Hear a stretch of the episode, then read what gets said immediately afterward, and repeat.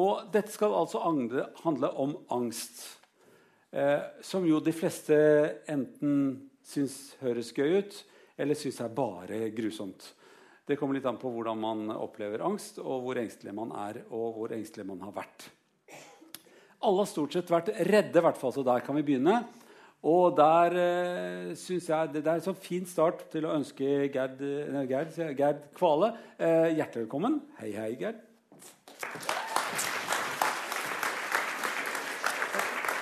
Sitt så vakkert ned. Vi kunne ha klemt hverandre, for nå har vi sånn hilst på hverandre det. mange ganger. Skal vi gjøre det? Ja. Ta frem høyre hånd. sånn.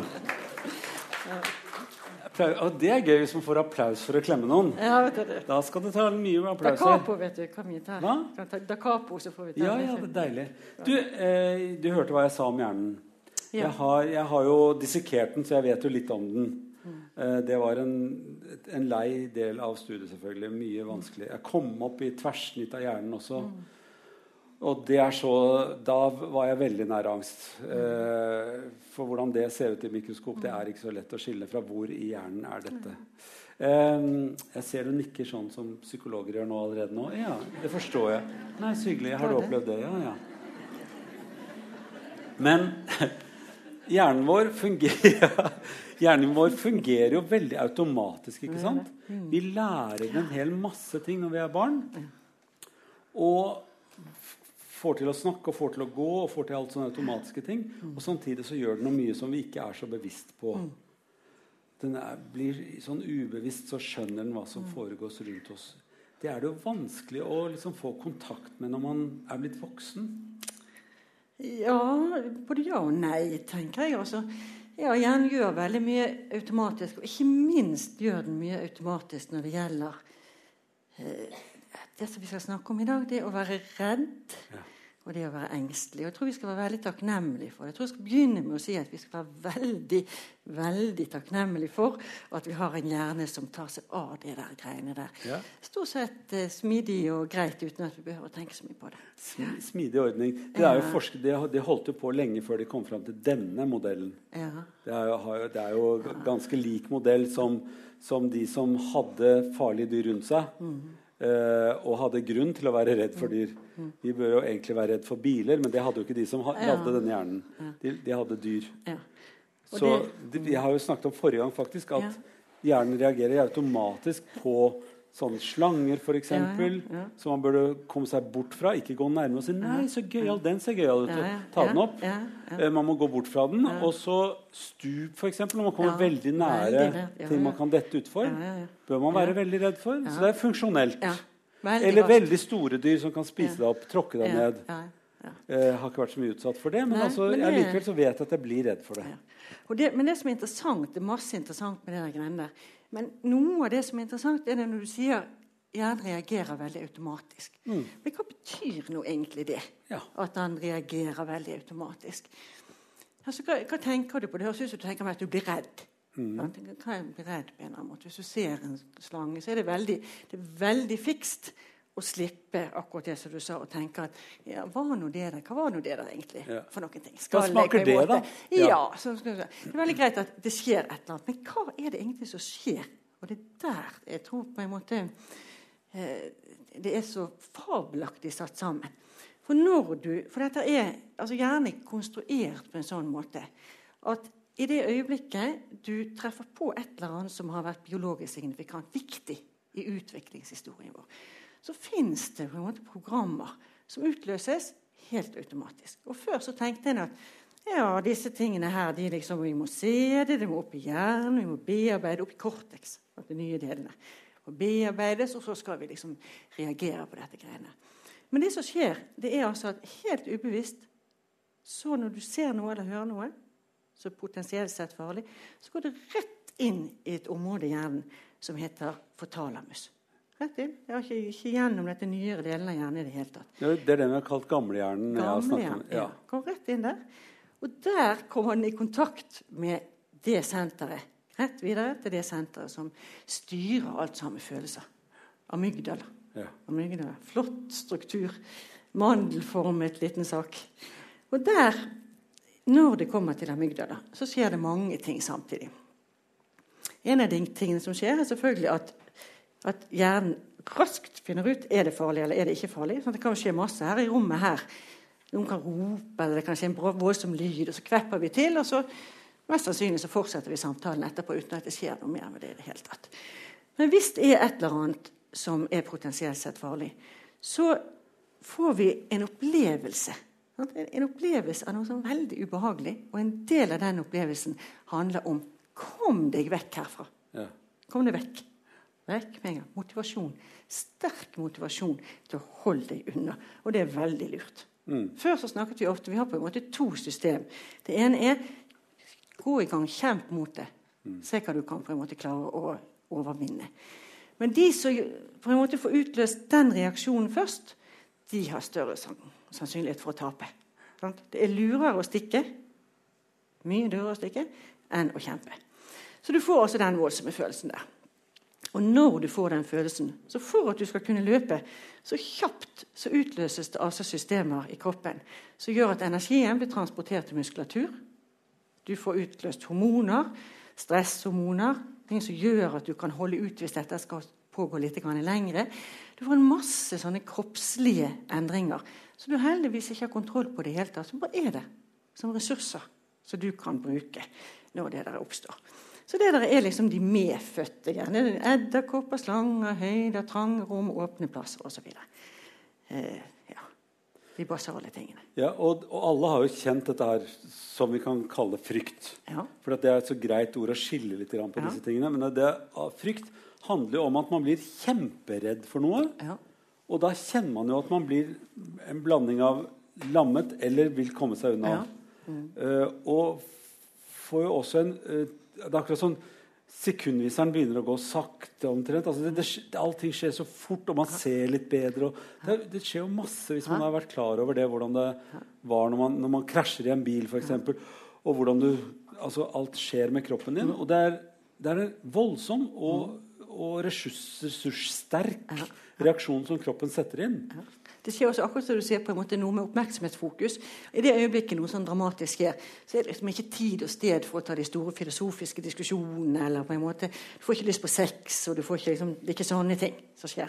Hjernen husker, husker kan huske kjempeklart akkurat det som skjer. Mm. Og det skal vi komme inn litt inn på. For at, at det der med at vi har medfødte strukturer forsvarssystemer. For det er jo det det handler om.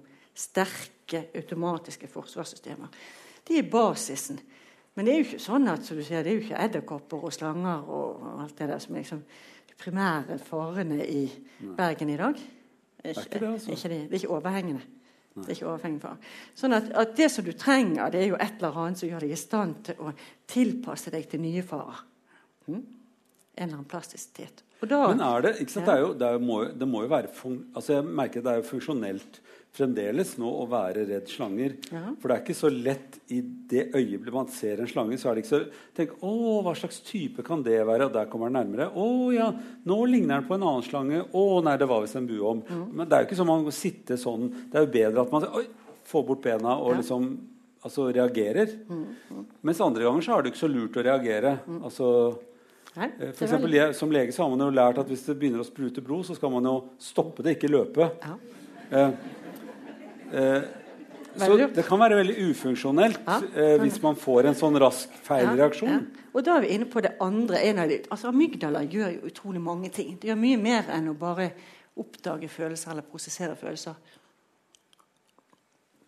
En av de tingene som amygdala gjør, det er at den lærer seg hva som er nytt som kan være farlig ja. og hva som ikke er farlig. Ja.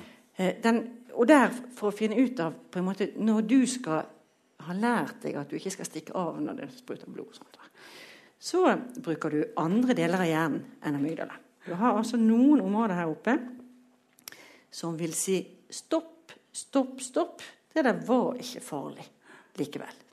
Og Det er prefrontale området. Men først har jeg lyst til å si litt om en annen kjempeviktig funksjon som amygdala, amygdala har.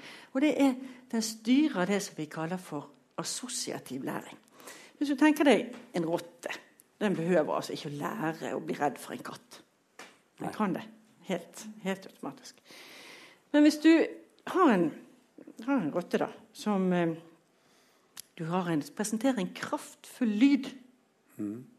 rundt den rotten, så er sannsynligheten stor for at den bryr seg ikke nevneverdig om den lyden. i utgangspunktet.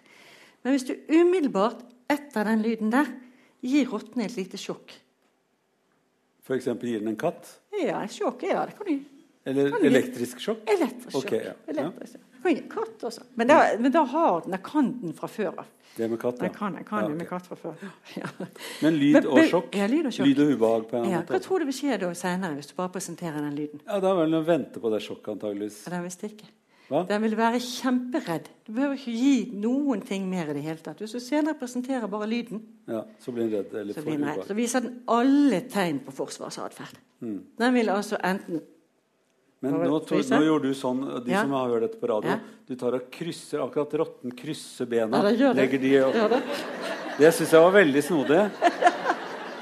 Og gjør den sånn også? Altså, gjør korsets tegn? Eh, det, det siste der er kulturelt. Ja, ok. Det, det, det, det, gjør de ikke alltid. Så det gjør den ikke? Ja, det er ikke alle, ikke alle rotter. Okay. Ikke alle rotter. ikke alle. Men de gjør en forsvarsatferd. Ja. Ja. Den stikker av gårde, eller den freezing, som vi sier. Sitter helt stille. Ja. Ja. Og det som er fiffig med det, det er altså at gjennom det så lærer den en plastisitet. Den skjønner det, at den lyden der ok, den er signalisert etter sjokket.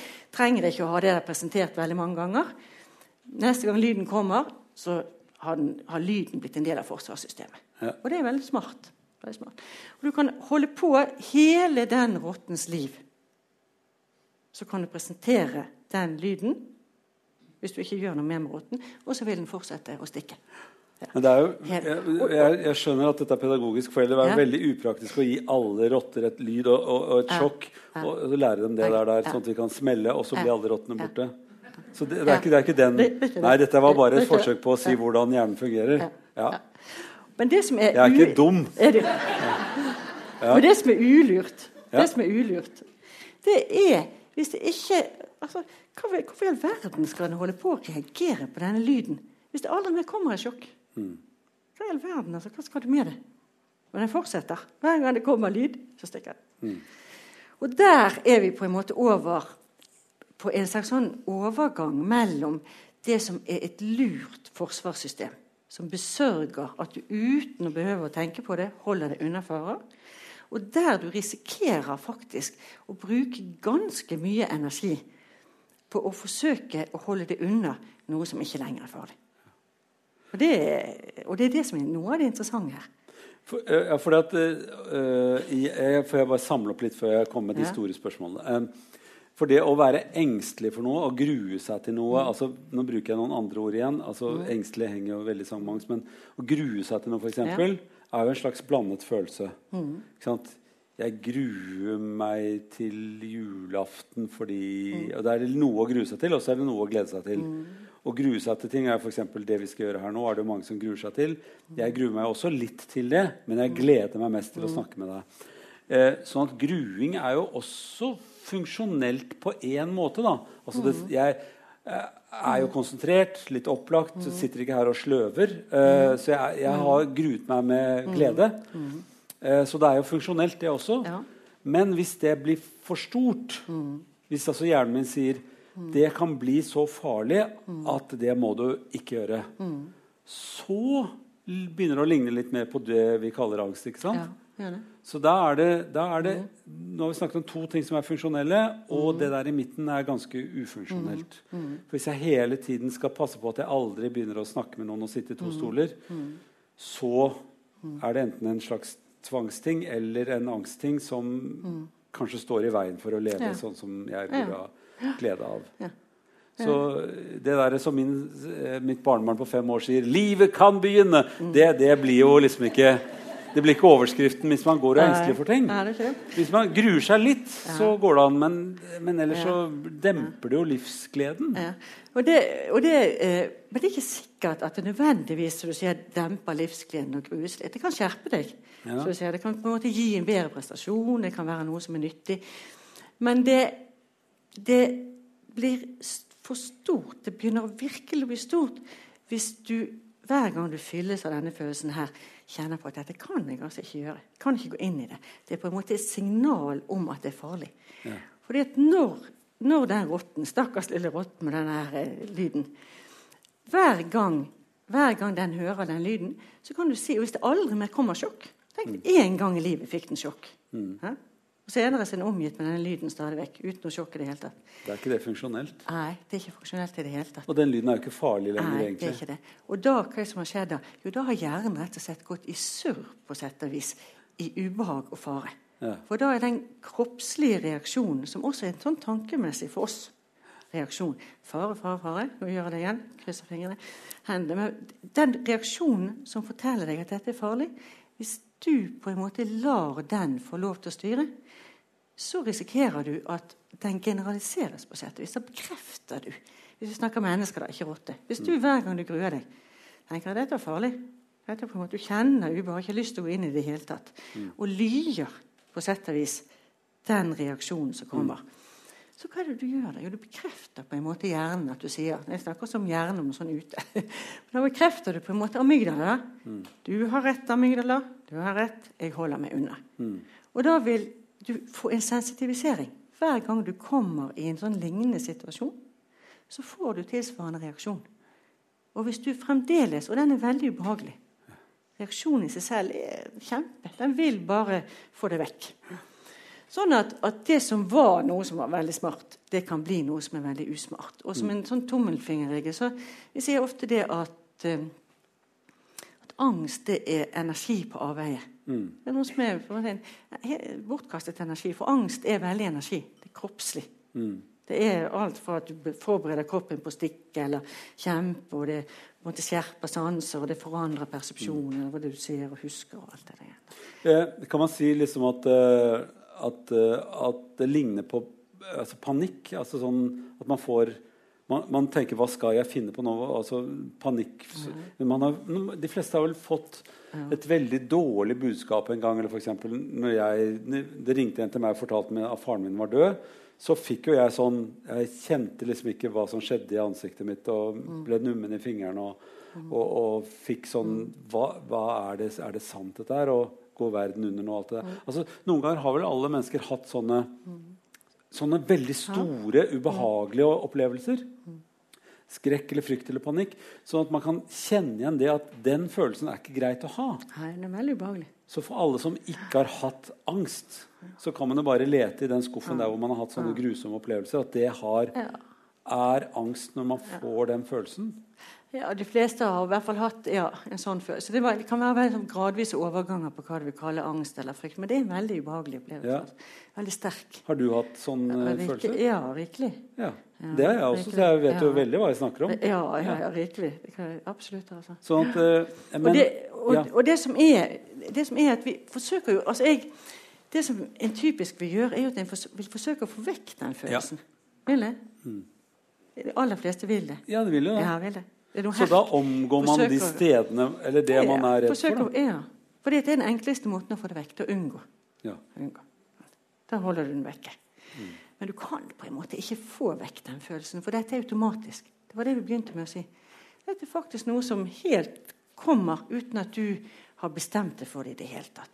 Det er noe som utløses, mm. som bare er der, og som kommer til å forsterkes hvis du lyer det. Så vi må fortelle hjernen at dette her er en dum ting å holde på med. Det kan man jo si til et barn omtrent. Ikke ja. gjør det der, der, det er dumt. Ikke putt den opp i nesa, ja. den store tingen. Ikke tenn den på, ja. for det er dumt. Altså, Vi må fortelle hjernen vår at vi gjør noe dumt. Vi, når man får angst, det er en dum ting. Men det er, må jo være veldig vanskelig å få levert den beskjeden til hjernen, da, sånn at den skjønner det. Fordi at du, du, kan jo ikke få gjort det, for det er litt automatisk. Nei, den kommer. Altså, hvis, du får, hvis, du begynner å skulle styre med å ta vekk selve reaksjonen, så får du trøbbel. Ja. Ja. For da blir du så fokusert på at den må vekk. altså. Ja. Den må vekk, den, Jeg må holde meg unna, jeg må gjøre et eller annet for å dempe den. Den må vekk. Vi har en fortellende historie om Vi har en, en utrolig nevrotisk katt hjemme. Ja. ja. Oskar heter han. Hva, hva nev Oscar. Hvor nevrotisk Hvordan? Jeg skal fortelle deg hva jeg mener. Deg, hva jeg mener. Vår lille Oskar um, han hadde de første månedene sine av livet hadde han ute på Fjordslottet på Osterøy. Mm. Han var en, en, liten, søt sånn skogskatt som, var, Så Brexit hadde funnet frem til skogslottet, der fikk den mat. Fjordslottet heter det kanskje. Ja. Der fikk den mat. Det var et snilt menneske så hver dag. Dette var, eh, han ble født antageligvis i april, så sånn sommersesong og sånt. Og så der hver dag så kom han. Og så kom jeg ut der, og så skulle vi ha katt. Og så tenkte jeg det var en utrolig skjønn liten pus. det der. Ja, vi kan ta den, vi skal jo likevel ha, ha katt. Og så tok vi den med hjem. Ja, Dere spurte først? Ja, de ville veldig ja. jeg stjal den. jeg stjal den. Jeg sa det jeg, sa, jeg har ikke sagt det til noen før nå. Dere fikk hjem katten som var nevrotisk? Ja, det skal du høre. Ja. For en katt som vokser opp på et uh, hotell, eller få mat på et hotell, den kan ikke få lov til å gå inn. Nei. Nei. Fordi at Gjester kan ha allergier, og det kan være at gjester ikke liker katter. Ja. Så Oskar den hadde da kost seg ute med alle gjestene, sitt på fanget, den hadde da gått bort til døren, og der hadde han fått mat. Men den hadde lært seg opp å aldri gå inn. Gikk aldri, passerte aldri den dørstokken i det hele tatt. Hvordan tror du du lærer en katt opp til å aldri gå inn?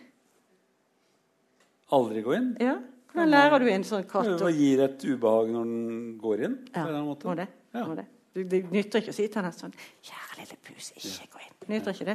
Sett, nå skal vi snakke om dette her. Det, det, sånn, man kan ikke gjøre det til en katt. Sånn, sånn, du skjønner at jeg er på hotellet, så gjør vi ikke dette. Vi kan ikke gå inn her på hotellet. Nei, nå gjorde du det igjen. Nå må du gå ut igjen. min. må du være snill og gå ut sånn. Nei, man må Øsj! Ja, sånn. Ja. Slår kraftig. Eller lyden igjen. Sånn, lyden igjen. Avis eller et eller annet. Mm. Og det hadde ikke vi tenkt på. Så når Oskar kom hjem til oss så skulle kunne... Oskar bli innekatt. Oh, ja, For da kunne den veldig godt være ute, ja? Ja, det men, det, sant? ja, men det skulle bli innekatt. Det skulle ja. gå ut og inn. Det skulle gå ut og inn hver dag. Nå er det to og et halvt år siden tenker jeg vi fikk Oskar. Um, når den kom til oss, så stoppet den på dørterskelen. Mm. Ja? Og da tenkte vi hva var dette for noen ting? Å ja, ja, kanskje dette her. Så skjønte vi det. Vi var ikke så dumme. Mm. Vi skjønte det. Og så sa vi 'pus, pus, pus, kom inn, kom inn', kom inn. Og så var det noe mat og sånt på innsiden. Og da kunne man jo håpet at, Og så sa vi det at 'kjære lille Oskar, nå vi er veldig snille. Bare kom inn'. Men det også Oskar gjorde da, det var at han la seg ned på kattevis og viste alle tegn på at han var kjemperedd. Ja? Forberedte seg på sitt livs sprang gjennom denne døren. Kjempefarlig.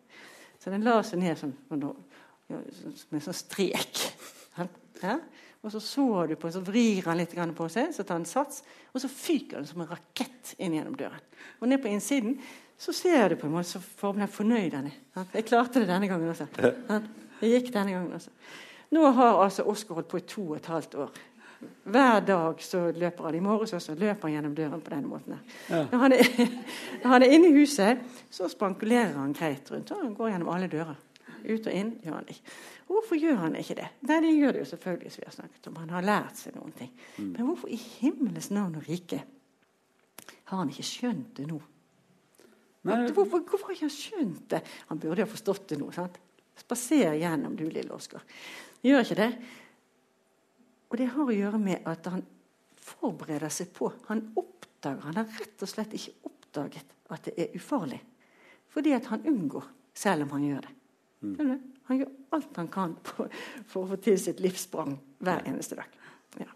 Og det er noe med at når vi er i den situasjonen med en veldig sterk frykt- eller angstreaksjon Vi kan nesten kalle det for angst, selv om vi ikke ser om dyr, det om dyr. Men det er i hvert fall ikke funksjonelt lenger. Det er ikke lurt. Han trenger det ikke.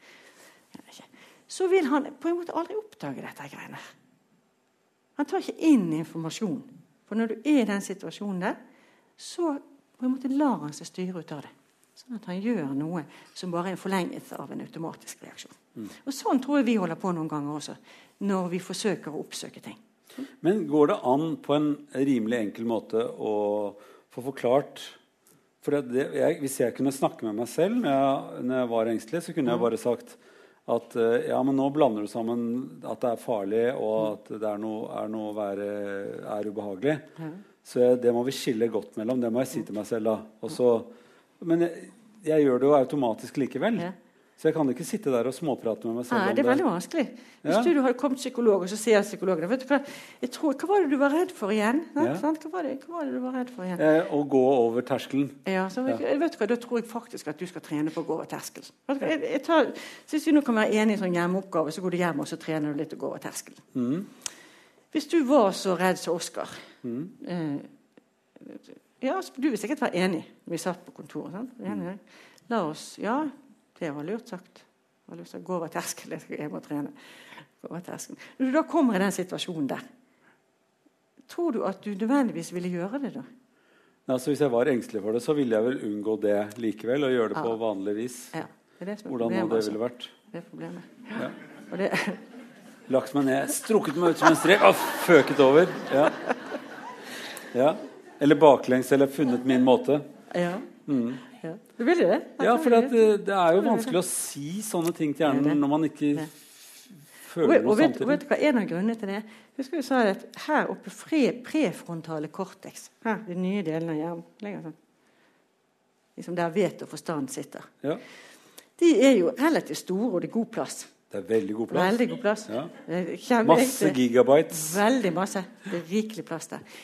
Men det er altså sånn at amygdala som styrer disse følelsene. Amygdala ligger hvis du tar en ja, strek inn, tar en linjal inn der, mellom øyet og bakover, rett bakover, og øret og rett over på andre øre, så treffer den omtrent amygdala. Der ligger den. Amygdala den har mye større forbindelser opp mot, opp mot vet og forstand mm. enn vet og forstand har ned mot amygdala. Det er litt sånn nedveiskjøring? Ja, det ja. definitivt. Helt altså. Sånn at, at amygdala vinner som oftest. Og det er veldig lurt, fordi det er mye smartere og heller være redd en gang for mye enn en gang for lite. I et overlevelsesperspektiv. Mm. Har du f.eks.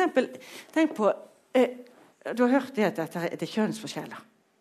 Okay. Har du hørt det? For at det er, flere, er det like mange menn som er aldri, Ikke bare, ikke bare sånne vanlige kjønnsforskjeller. Ikke bare vanlige kjønnsforskjeller. I min forståelse av forskjell på menn og kvinner, så skal menn, når de ser noe farlig, gå mot. Ja. Og damer wow, løper bakover. Ja. Men er det sånn? Ja, stort sett. Så menn er litt dummere når det gjelder store dyr? Ja, ja. altså det er det. Det, det, er, altså, det er helt klart det er helt klart kjønnsforskjeller på det. Ja. ja. Det er det. Det er sånn at menn har en mye større tendens til å gå mot enn kvinner. Ja. Og hvorfor det? Ja, fordi at vi regner med at vi er sterkere enn det som vi Vi er jo så dumme sånn at vi tror at det der klarer jeg helt sikkert. Damer tenker jo sånn Ja, ja, det er jo ikke sikkert det der går. Ja. Eh, det, er jo, det, er, det er to forskjellige strategier. Ja. Ja. Men hva er svaret? Kan, nei, det kan jo være det, altså. Mm. Det kan være det. Ja. Du pleier å kjempe veldig mye, liksom løpe ut og ta det. Ja. ja jeg, kan du brekke den greinen? Ja! ja det er det. Og damer sier 'Å, kan ikke du brekke den greinen?' Det er liksom, tror jeg er kjønnsfordelingen. Det er det. det, er, det, er det. Og nå får vi så mange mot oss etter hvert, men det er men eh, vi kan gjøre det for pedagogikkens skyld, da. Ja, ja. Altså, en av, hvis vi er tilbake til dette med at vi er jo ikke redd fordi at naturen har sagt at det er så kult at vi skal være redd.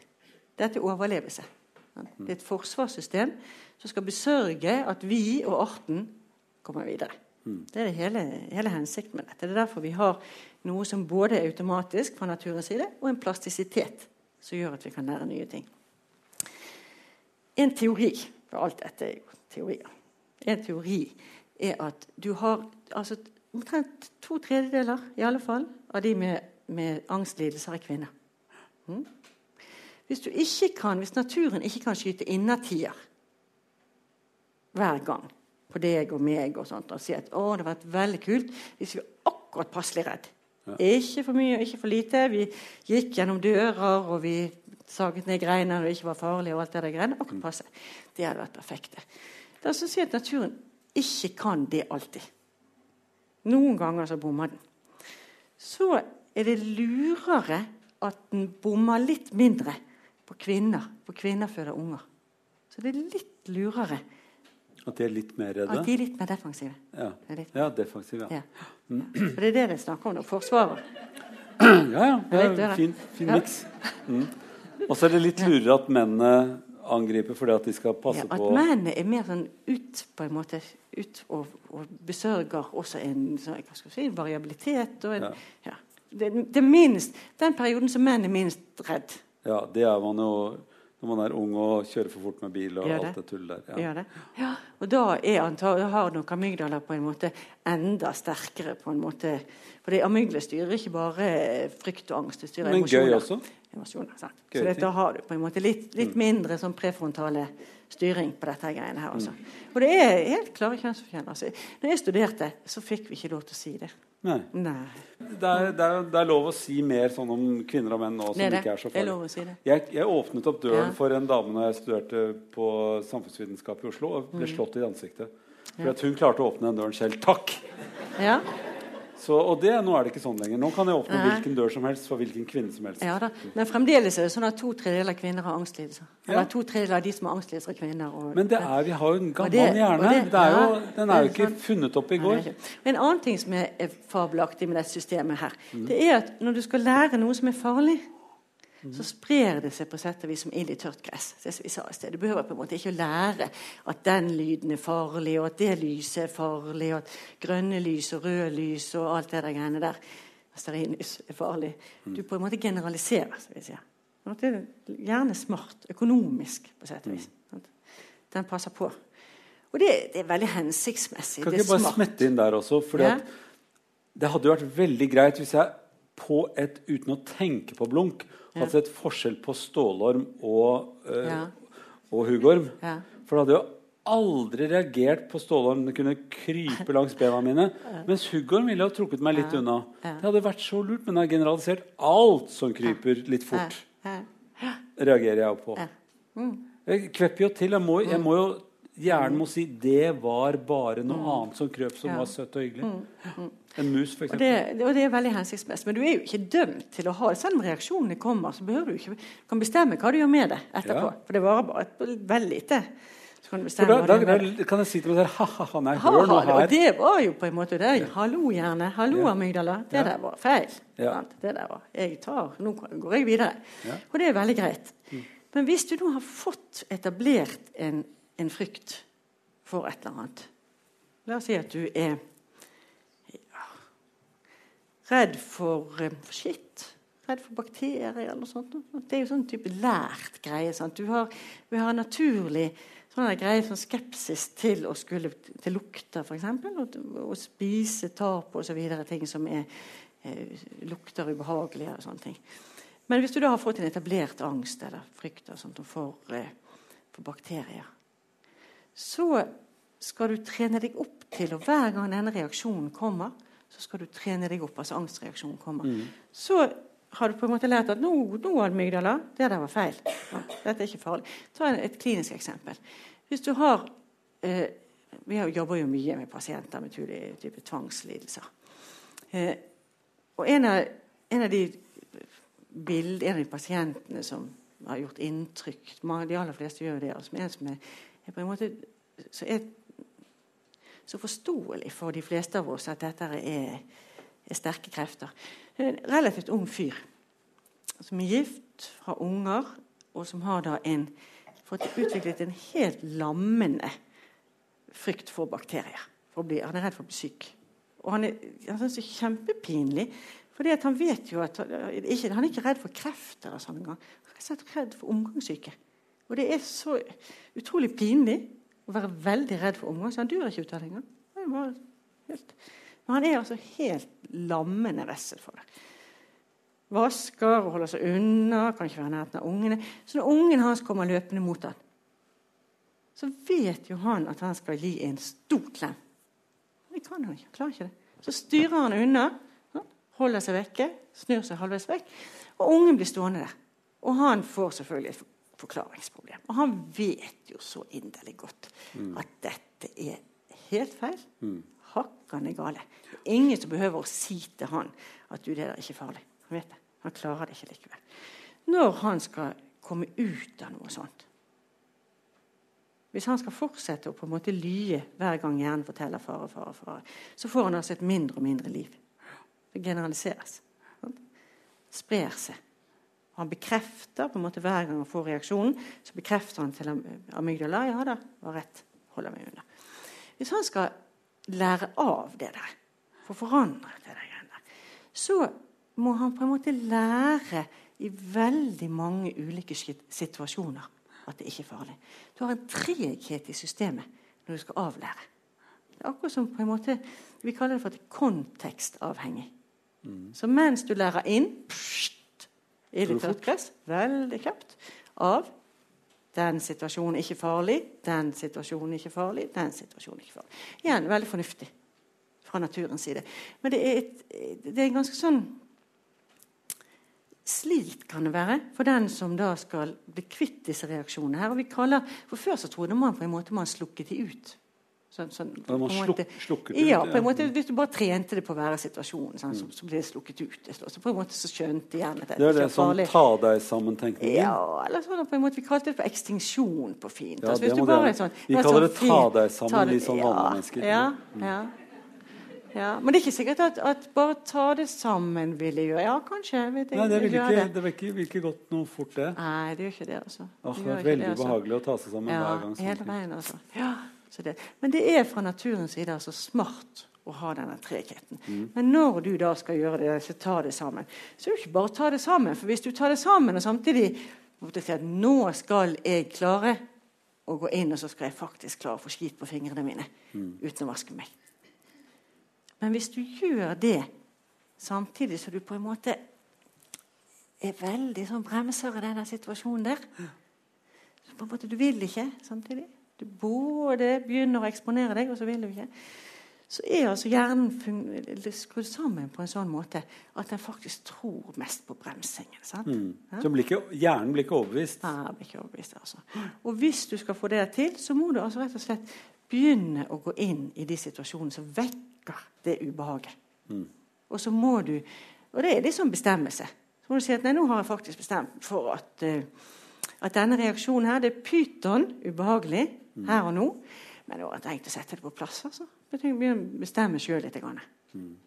Det, så jeg har jo disse områdene her oppe prefrontalt. Nå skal jeg faktisk gi dem en sjanse. Og da, for å gi dem en sjanse, skal jeg faktisk hisse amygdala litt opp faktisk eh, få amygdala til å bli litt aktiv her.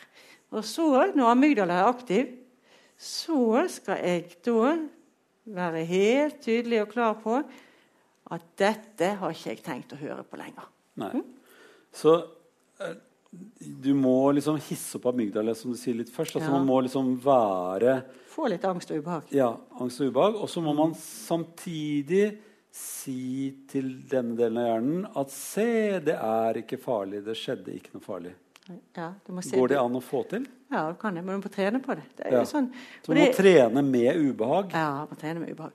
Og da, da, er det, og da er det ofte lurt å ha noen å trene på en måte lære denne teknikken. fordi at mm. vi er så skrudd sammen at vi har helt, helst lyst til å bremse samtidig. Mm. Og hvis du driver på med den gassingen og bremsingen samtidig, så risikerer du at du får masse ubehag uten noe særlig endring i det hele tatt. fra mygdala vinner på sett og vis. Amygdala eh, sier at 'har, har du prøvd det', ikke sant? Ja. Men, jeg, Men, det kan være farlig, så jeg holder på den reaksjonen? Jeg holder på, ja. amygdala, du bekrefter på en måte. Amygdala er sensitiv for at du bekrefter faren. Ja. Så man må, man må nesten gå på da, istedenfor å må, virre litt rundt? Du må få amygdala aktiv, i hvert fall. Og så ja. må du på en måte begynne å å få, få disse her reaksjonene der du sjøl bestemmer litt. Ja. Ja. Og du må trene inn i det. Få skit på hendene. eller ta og... Så denne mannen som da stakkars ikke får ja. klemt barna sine, han må øve først, og han må, så Han må rett og slett begynne å trene masse på å, å opp, oppsøke ubehag. Oppsøke det som utløser denne her forsvarsmekanismen, som ikke lenger er lur. Denne forsvaret som han har, den står i veien mm. for livet. Ja. ja. Rett og slett. Den er blitt til noe herk. Men du, eh, da må jeg spørre deg før vi går videre. Hvordan tror du det kommer til å gå med han? Tror du han kommer til å klemme barna sine? Ja, han kommer jo det, vet du. Ja, ja, ja. Det, det, og det, og det, det Men tar det så lang tid som med Oskar som sniker seg over ja, og, eh, hjemme hos dere? Altså, ja. tar, tar det, det er pinlig å fortelle denne Oscar-historien. For mange, jo, har sikkert, er... mange, har sikkert, gode ideer hvordan vi kunne gjort men, det. Altså, bare fortell deg det som trøst at Oscar er ikke så intelligent. Det er det Nei, som bare det, altså. La han holde på med jeg, det der. der jeg har lurt på det, altså. Vær litt grei med. Men, men, denne andre mannen som ikke ja. får klemt barnet ja, sitt, sant? han syns jeg jo synd på når jeg tenker på nå. Ja. at stakkars å ha barn som man ikke kan få klemt. Ja. Så jeg lurer på Er det noe Hvor Ja, hva tror du han gjorde? Han gikk, han hadde faktisk Dette hadde han holdt på med i ganske mange år. altså. ja. Ja. Og det kan, nå, nå snakker vi det Ja. som det er skitt på fingrene, men det kan være Tør ikke være ute blant folk, tør Ja, ikke spise på restauranter, tør ikke være i høyder. Det kan være hva slags ting som bare utløser angst. Ja. Ja. Men, men det, det går an å Og sammensatte ting og alt mulig. Ja. Og det, det som er typisk, er jo at en altså Innenfor psykologien så har vi ofte altså Folk har kommet så har vi snakket om det. La oss snakke om det. Ja. La oss snakke om det. Og det kan være fint, det. det kan være kjempefint. Det kan være veldig deilig å få lettet hjertet sitt og få delt det med noen. Mm. Ja, kan det. Det kan være det Vorspiel, kan det hete. Ja. Ja, man kan, da driver man også og prater med folk på en hyggelig måte. Men, eh, og man gjør det i terapeutiske situasjoner Ja. det er veldig funksjonelt. Men er det så funksjonelt kan- for angst? Det er det jeg lurer på. Nei, altså Noen ganger så kan det jo være at gjennom de samtalene så får man mot til å på en måte rette på ryggen og så si det at vet du hva, nå skal jeg sette amygdala på plass. altså, Og få mot til å begynne å trene. Og kanskje kan klare det også. Men dessverre så har det nok vist seg at det ikke alltid fører frem med disse samtalene som gir trøst. Og så er det så fabelaktig at du, hvis du virkelig går i gang og sier at nå tar jeg, tar jeg noen amygdala-dager her, altså, Ja. så kan du, hvis du bestemmer deg for å gå på jakt etter denne angsten, ubehaget, som rett og slett ikke er noe funksjonelt lenger. Det er ikke noe god beskyttelse.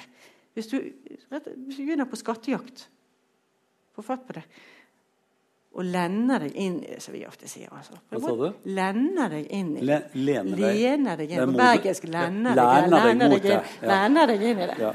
Så du, du ja. Lener ja, ok. Så du Så man, hvis du på en måte med denne delen av hjernen her sier vet du hva, nå skal jeg faktisk demonstrere at jeg kan jo ta skit på hendene. Sant? Jeg kan jo klare dette greiene.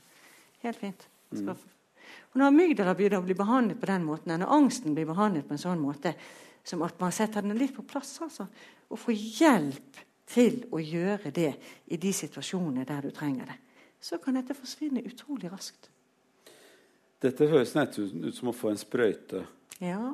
Er, eh, ja. er det en sånn type følelse at eh, nå skal jeg gjøre dette her, og så går det over? ja, det er jobb, altså. Men, men det, det, du har jo drevet med sånn firedagersbehandling. Det høres ut Ja. som la-la-la. Det, høres Ja. som, Ja. fix- Ja. kvi- det er det vi Ja. kaller quick fix innen, innen, innen andre uh, områder. Ja. Det, er, det er jo nesten sånn at du tenker at det der ikke er mulig. altså.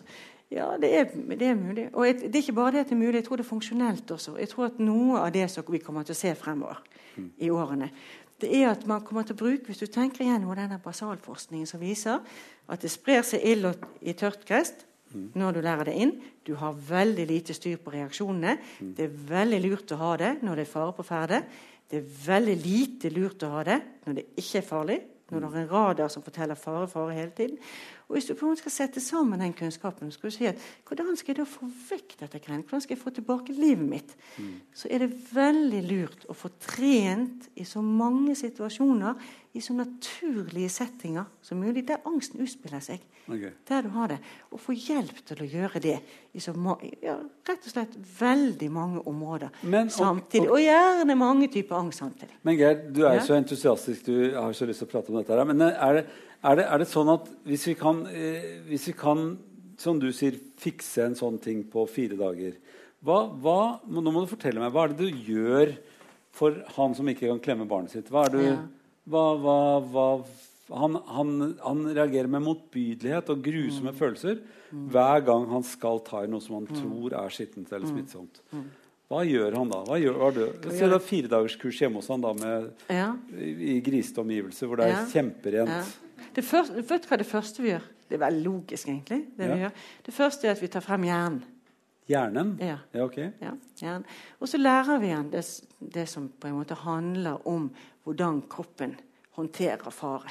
Så det har vi snakket om nå. Ja, det, det får han første. vite. Det er kjempeviktig. Ja, Og det får han vite. Det Ja, vi har det er det om. første. Han får en ordentlig forelesning om det. Ja. Ja. Så han skjønner.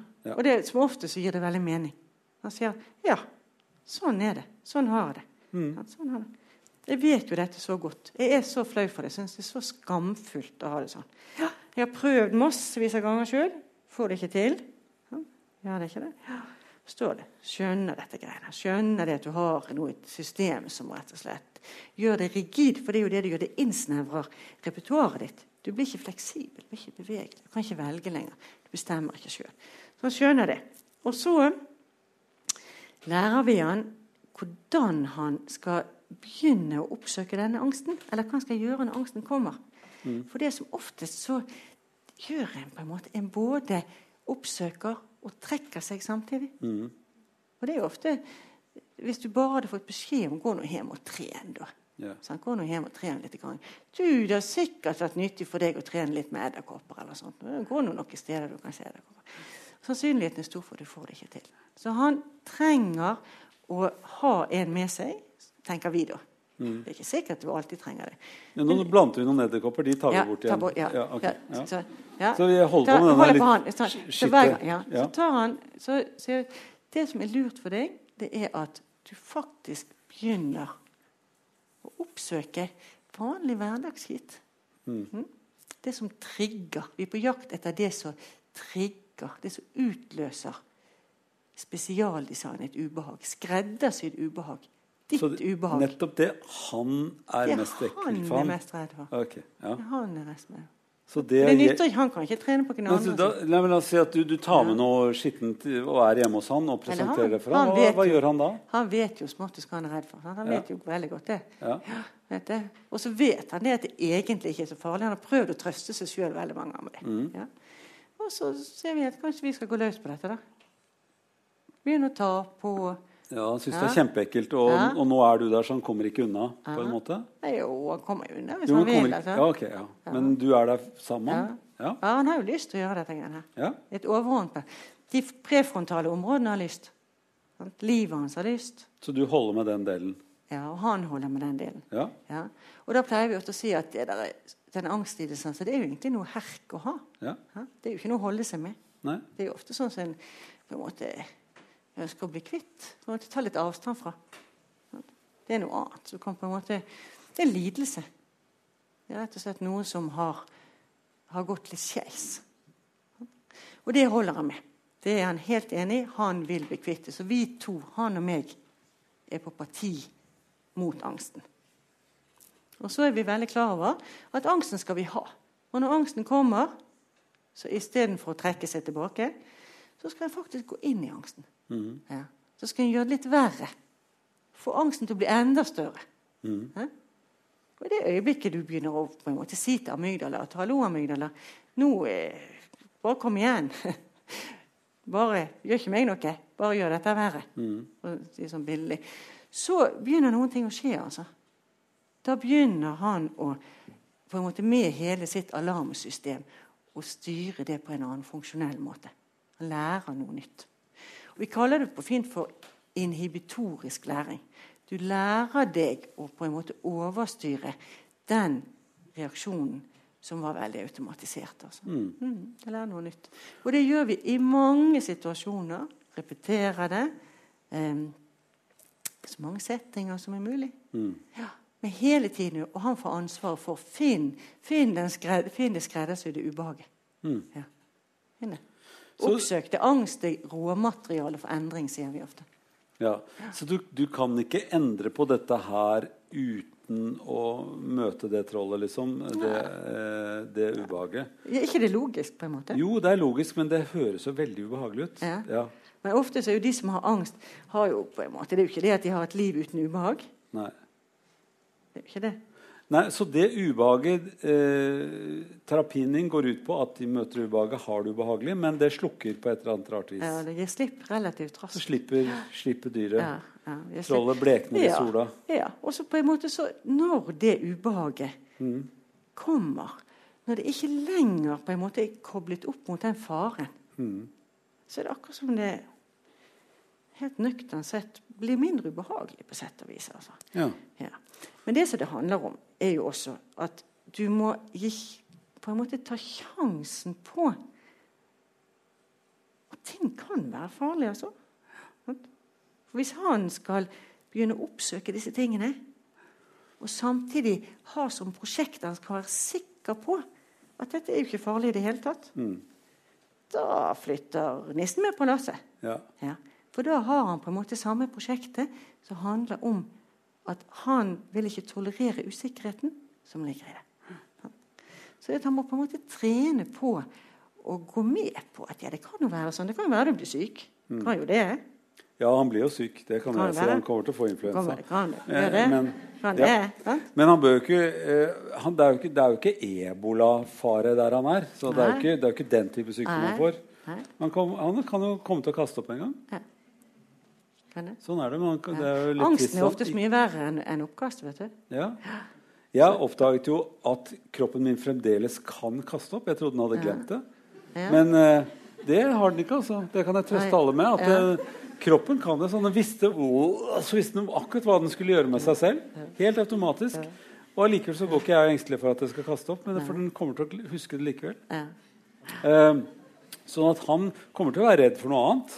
Ja, kanskje, ja, noe kanskje funksjonelt. Han, han, kommer til å fremdeles ha massevis av amygdala-reaksjoner. Ja. Og amygdala-reaksjoner er fine, vet du. Det er jo det. Det er kjempebra. Jeg er jo ikke mot ikke amygdala. Veldig bra. Vet du hva? Det er jeg veldig glad for å høre. Fordi ja. At, ja, jeg ville blitt ordentlig bekymret hvis du var ja. Jeg ville blitt litt lei meg. Altså, ja, for da hadde jeg jo løpt på vegger og hilst på skumle dyr og, og, lurt hvordan slanger smaker. Det hadde vært veldig veldig dumt. Ja, og ikke bare det. Livet hadde vært sånn livet på en måte du skal ha Liv er litt sånn usikkert prosjekt. Og amygdala min er i hvert fall også opptatt av gøye ting. Ja, vet du, Amygdala er ikke bare amygdala. Amygdala er så masse forskjellige ting ja. som handler om følelser. Ja. Veldig bra. Men også disse ubehagelige følelsene. Sitter vi her på sånn barnehagemåte og er veldig glad i amygdala. Ja. Eh, men vi må jo lære den opp. Eh, så ja. når den gjør feil, så må vi overstyre den på en eller annen måte. Ja, ikke nødvendigvis. Du kan bare la den være. Du behøver ikke ly den.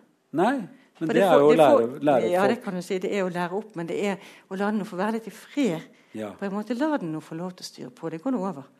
Men vi må, ha, vi må, ikke hisse den opp hele tiden. Nei, det kan, du behøver ikke det hele tiden. Så kommer det ta den på hva du har lyst til. Det. Ja. Men vi kan hisse den opp av og til. Ikke, ja. men, men, hvis man går med mye angst, så hisser man jo opp amygdala hele tiden ja. til angst, ufunksjonelle ting. Angst er energi på avveie. Altså, fordi ja. at i det øyeblikket Og angsten holdes ved like av unngåelse. Sånn at det som jeg har snakket om nå, det er jo ikke vi som har funnet på det å eksponere. Det kalles for eksponeringsbehandling. Mm. På en måte Det at du lar disse områdene igjen sånn, styre litt over, eller ta sjansen på usikkerheter uten å la amygdala råde. Det heter jo I gamle dager så heter det sånn hvis du detter av hesten, så må du opp på hesten igjen. Ja, det gjør det. Og det er ikke så dumt bilde. Det er utrolig lurt, vet du. Ja, For ja. da både får man ridd videre, ja, men, men man, man, man, lærer jo også at det var bare, jeg falt bare av denne gangen. Det er ikke sikkert jeg faller av absolutt hver gang jeg går opp på hesten. Men nå har vi, vi har snakket veldig sånn som, sier, som barnehage om amygdala. Men det er, altså hvis du har vært utsatt for noe, f.eks. et ekstremt traume mm. Noe ordentlig livstruende. Mm. Så er sannsynligheten stor for at du i en sånn situasjon så kommer kroppens forsvarssystem blir aktivert veldig kraftig. Og Da fungerer det også sånn at hukommelsen, sant? hele måten vi tar inn informasjon på, endrer seg i en sånn situasjon. Og Da vil du med stor sannsynlighet huske noen av disse tingene. De brennes inn på en måte. Og så brennes på en måte de forferdelige tingene inn, samtidig som du diffust, ubevisst på en måte, så husker amygdala lukter, smaker, synsinntrykk Alle disse tingene som vi snakket om med rotten i sted. Så man kunstig kan lage et lyd fra en rotte, og så gi den sjokk. Sånn, amygdala vil i en sånn situasjon som det der ta inn all denne informasjonen. En veldig dramatisk. Og da risikerer du at hvis du har vært i en sånn livstruende situasjon, så vil du seinere kunne komme i situasjoner der det er, helt uten at du aner det, så er det lukter, smaker, assosiasjoner. Og dette heter assosiativ læring. Mm. Som utløser disse bildene. Så du, du, risikerer altså at Og da kaller vi det for en posttraumatisk stresslidelse. Mm. Og da, da, er det altså Det vil forstyrre både konsentrasjon, hukommelse osv. Og, det som har vært på en måte den, den forståelige behandlingen mange ganger. Det er jo å gi, Først skal du gi folk omsorg, selvfølgelig. Du skal sørge for at folk føter seg igjen, og du skal, du skal gi alt som er ut av ja, god omsorg. Men for de da som utvikler en sånn lidelse, at disse tingene blir utløst Altså du får påtrengende bilder stadig vekk. Så hvis du nå ut ifra det vi har sagt, hva vil på en måte være medisin for å komme ut av en sånn situasjon? Ja, hvis jeg skal være logisk, da, så må jeg jo si at da vil jo det å eksplodere dem for de inntrykkene som ikke er så ille som det som var der en gang, mm. vil være å av, avlære deg det, at det var mm. farlig. Mm. Hvis, det, hvis, det, var noe som sjenerte deg for livet ditt. Ja, si. det det.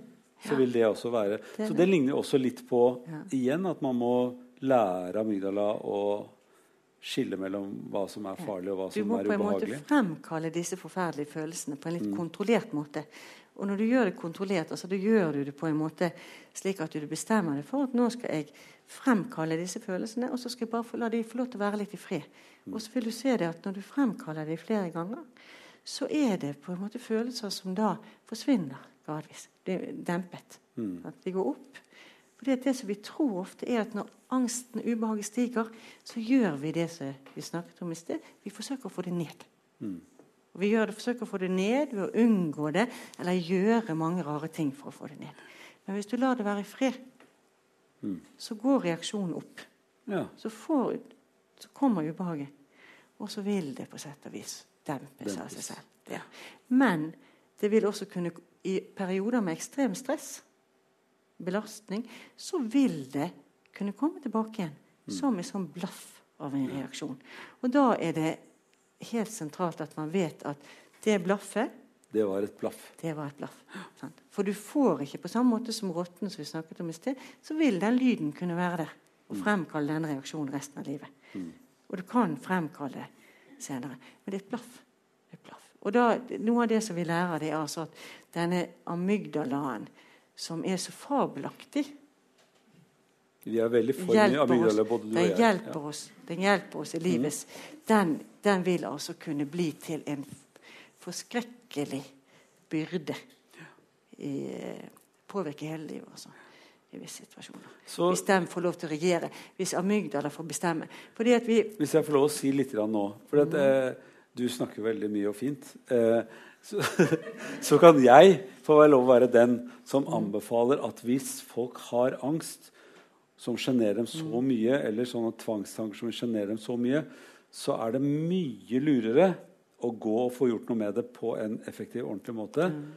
enn å, å, å, mm. lære om amygdala, hva den skal holde på med.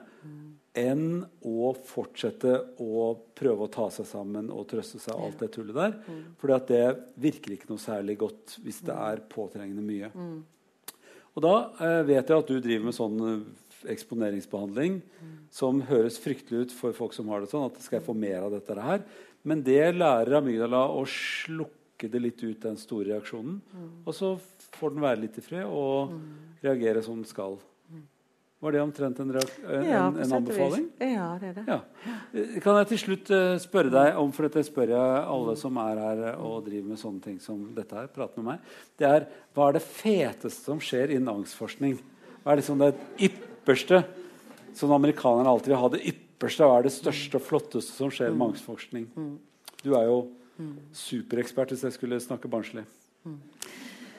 Ja, altså Det, det ypperste som skjer for tiden eh, tror Det er flere ting, men en av de ypperste tingene som skjer, flotte tingene som skjer, det er jo at vi har, vi har snakket veldig enkelt om amygdala. Ja. ja. Men det er, Men er glad i. Ja. ja. Amygdala er sammensatt, utrolig sammensatt. Mm. Og det er visse områder i amygdala som styrer visse følelser, og det er kanskje bare et lite knippe av celler som styrer. Så er det også sånn at til og med er det på rottenivået så er jo ikke alle rotter som reagerer likt. Faktisk noen rotter som er veldig, har veldig skvettende amygdala og andre som ikke har så skvettende amygdala. Noen som har en stor plastisitet, som lærer kjapt, som lærer å være fleksibel. Andre som ikke har det. Og på angstfeltet nå så har vi for det første en trend som jeg tror er klok, der en kombinerer basalforskning, altså hjernen, det vi har snakket om nå, med behandling. Mm. Og så har en etter hvert begynt å bli opptatt av Er det noen måter vi kan stimulere ekstra de cellene som gjør at vi får lært på nytt at noe ikke var farlig? Ja. ja for eksempel. Og da har du begynt å få eh, på en måte en slags ny generasjon av farmaka. Ikke psykofarmaka. Ikke sånn som vi tradisjonelt virker inn på stemningsleie eller sånt noe uh, umiddelbart.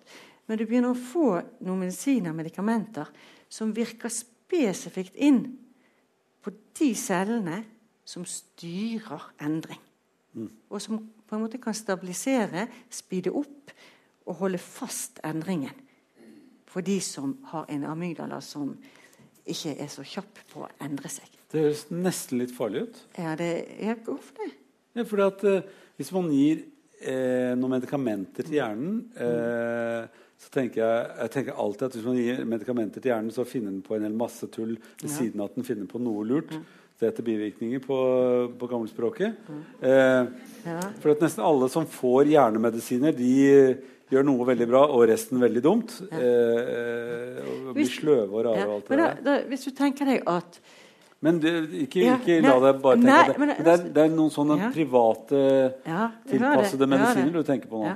Hvis du tenker deg at, at det fins noen som, har, som, sliter mer med denne type behandling, mm. på en måte får effekten ut av dette greiene. Mm. klarer det veldig bra til å begynne med, kanskje, og så får du tilbakefall. Altså, mm. Det er på en måte som om Blaffet blir litt stort? Ja, altså de, de, får til en endring, men endringen blir kanskje ikke så stor. Mm. Og hvis de har fått til en endring, så er det sånn siger tilbake. Mm. Tenk hvis du kunne hjelpe de personene med å liksom holde fast den endringen. Hvis den, det at den siger tilbake, det handler veldig lite om at du gjør det feil. eller sånt. Det handler bare om at du har noen celler der som trenger litt hjelp. Ja. Og hvis du da kan hjelpe de. Sånn, et sånt medikament er faktisk noe som ble brukt til tuberkulosebehandling ja. et, uh, tidligere. Som man oppdaget stimulerer spesifikt noen celler i amygdala. Mm. Noen sånne NMDA-reseptorer, heter ja. det på fint. Det fine med det er jo at og man heller ikke får tuberkulose, antageligvis. Ja. Ikke tuberkulose, og ikke får du noen andre bivirkninger heller. Du får ingenting. Det er et medikament som ikke virker mm. annet enn hvis du kombinerer det med eksponeringsbehandling. Okay. Det er en sånn trend. Mm. Sånn at individuell variasjon, altså de som begynner den basalforskningen som begynner å se på enkeltceller, mm. som begynner å se på hvordan har genetikken oppi dette, selvfølgelig. Noen mennesker vi er født litt forskjellige. Som begynner å se på hvilke celler du kan slå av og på mm. i møte med farer. Mm. Og hvordan du kan stabilisere behandlingseffekter. f.eks. mm. Det tror jeg noe av det på en måte heter innenfor dette. Ja. Og der en begynner å finne ut enda mer detaljer om amygdala og omsette det i klinisk praksis. Mm. Ta det over i klinikken. Ja, mm. gøy. Det farlige med ting som er litt hete, er at de kan være for hete. At de kan være for, for skumle samtidig som det er nytt. Eh, tenker jeg. At det er sånn dette kan, være, dette kan være veldig bra, og så kan det være også farlig samtidig. Jeg, jeg tenker sånn, jeg har, jeg har, Et sånt forhold har jeg til, eh, til dop. Det kan være veldig bra, men det kan være litt farlig også hvis man bruker for mye dop. tenker jeg. Eller kanskje hadde, du syns at det er bare gøy. Ja, Men hvis du hadde, eh, hvis du hadde noen som f.eks. Rett og slett eh, De hadde brukket beinet, mm. og så hadde du en liten gruppe der det søren ikke grodde skikkelig på. Ja. Nå Hæ? er jeg med på det. Nå syns jeg det høres litt mer fornuftig ut. Ja. Så var det noen som, og så sitter du Hvorfor gror det ikke der? Mm. utrolig. De gjør jo alt som de skal. Det har vi gjort alt som de skulle. Mm. Ja, rett og slett det er et eller annet her. Så medikamenter kombinert da, med eksponering for, Vi ja. kan ikke snakke hele natt, men eh, Nei, Vi kan snakke hele natt, men disse skal vel antakeligvis rekke en buss. Eh, eh, vi, eh, det å kombinere medikamenter med en psykologisk terapi eh, sier du da er kanskje en Nei, er er assistert eller sam, blandebehandling? Ja. Er det noe av det nye som ser ut til å komme oppover? Ja. Ja, og Hvis du da har den analogien med, med, på en måte gror Ja. Og det er veldig ergerlig hvis det, måte, du gir den ypperste behandlingen, så har du på en måte noen som rett og slett ikke har nytte ut av den. Altså. Ja. Det ville vært fint.